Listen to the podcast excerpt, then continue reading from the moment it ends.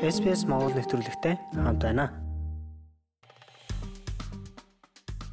За сайн бацхан уу сонсогчдоо Австралид ковидтой хэрхэн тэмцэх талаар 2023 оны төлөвлөгөө гаргасан энэ талаарх мэдээллийг та бүхэндээ хүргье.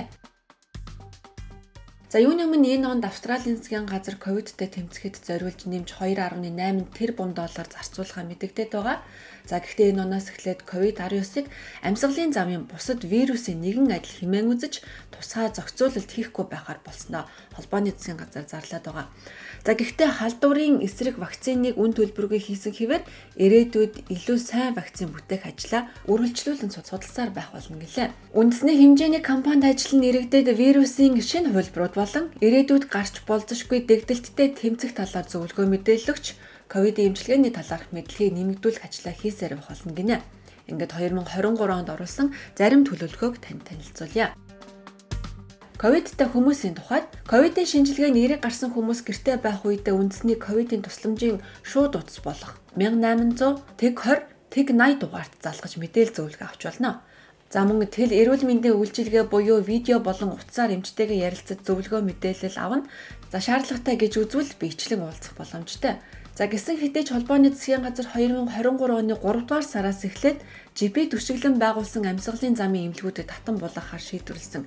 Энэ нэмлэгийг 20 оны 3 дугаар сард орон нутгийн ЖП-ийн эмч нартай гэрээ байгуулан амьсгалын замын халдварын шинж тэмдэгтэй хүмүүсийг үнэлэх эмчлэх зорилгоор байгуулж байсан юм а. За гэхдээ шаардлагатай гэж үзвэл дахин сэргээж болно хэмээн засгийн газар үзэж байгаа юм байна.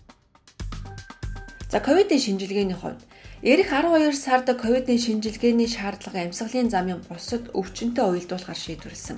Ковидын шинжилгээ нь тандалтын хэрэгсэл байхаа болсон. За харин вирусын эсрэг эмчилгээг хурдан шуурхаа хүргэхийн тулд зорилттой хэлбэрч шилжин гэж засгийн газар мэдэгджээ. Ингээд 2023 оны 1-р сарын 1-ээс эхлээд австралчууд GP-гийн эмчийн лавлгаа буюу реферал үзүүлж PCR-ын шинжилгээ өгдөг болсон юм а. Эрсдэл багтаа хүмүүс PCR-ын шинжилгээ өгөх шаардлагагүй гэж үзэж байгаа.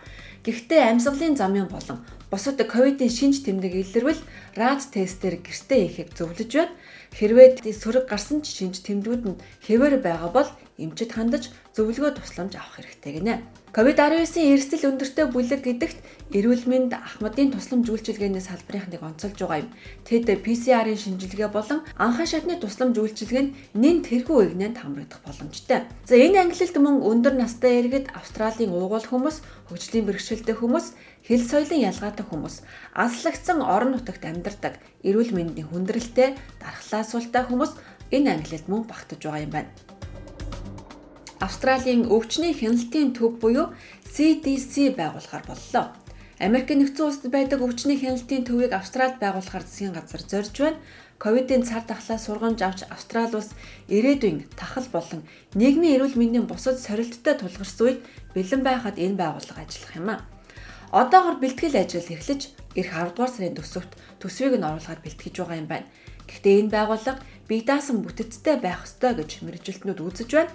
Австралийн анагаа ухааны нийгэмлэгийн профессор Стивен Робсон CDC-гээс олон нийт эмнэлгийн байгууллагуудад өгч байгаа зөвлөмж нь нотлохоон суурилсан ил тод улс төрийн болоод гадны бүх нөлөөллөөс хараат бус байх ёстой гэж хэлжээ.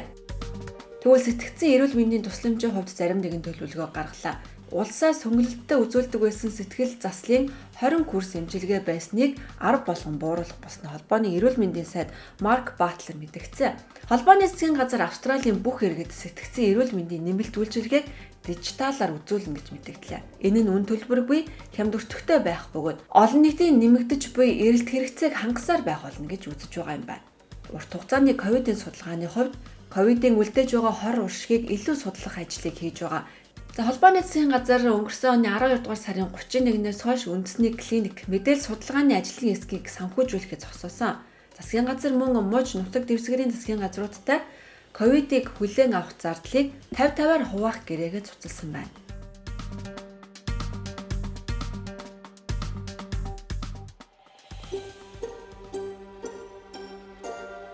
SBS Монгол нэвтрүүлэг таны гар утас болон цахим хуудасд нийлдэхтэй байна.